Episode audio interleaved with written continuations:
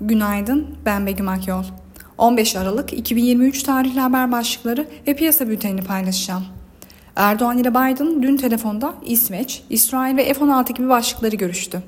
Goldman, Barclays ve JP Morgan FED toplantısı sonrası artık daha erken ve daha hızlı gevşeme bekliyor.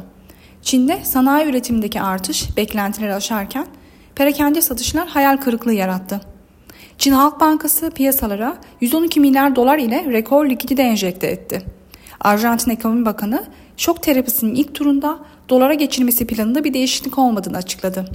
Piyasalara genel olarak bakacak olursak pay piyasalarında bankacılık endeksi, rasyonel politikaları geçiş süreci, CDS'in 300 seviyesinin altına kadar gerilemesi ve özellikle banka hisselerine yönelik giderek artan yabancı alımların etkisiyle pozitif görünümünü koruyor.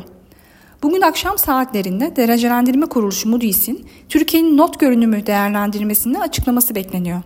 Moody's'in de not görünümünde pozitif bir revizyona gitmesi halinde BIST'e güvenin artmasını bekleriz.